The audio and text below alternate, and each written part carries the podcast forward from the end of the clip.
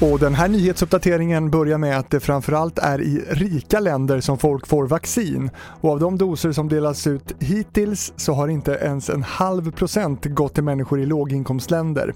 Nu reagerar Amnesty starkt och säger att det beror på att vaccintillverkarna sätter vinster framför människoliv. Bilder från luften visar omfattningen av förstörelsen på Kanarieön La Palma efter vulkanutbrottet i söndags. Lavan täcker fält, vägar, hus och pooler. Myndigheterna varnar för att faran inte är över. Hittills har 190 hus förstörts och 6 000 invånare har evakuerats. Och så avslutar jag med valrossen Wally som tidigare besökt Irland, Storbritannien och Spanien. Nu har han siktats på Island på väg hem till Arktis, det rapporterar BBC.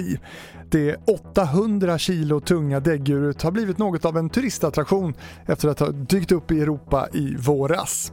Fler nyheter hittar du i vår app TV4 Nyheterna. I studion nu Fredrik Rahlstrand.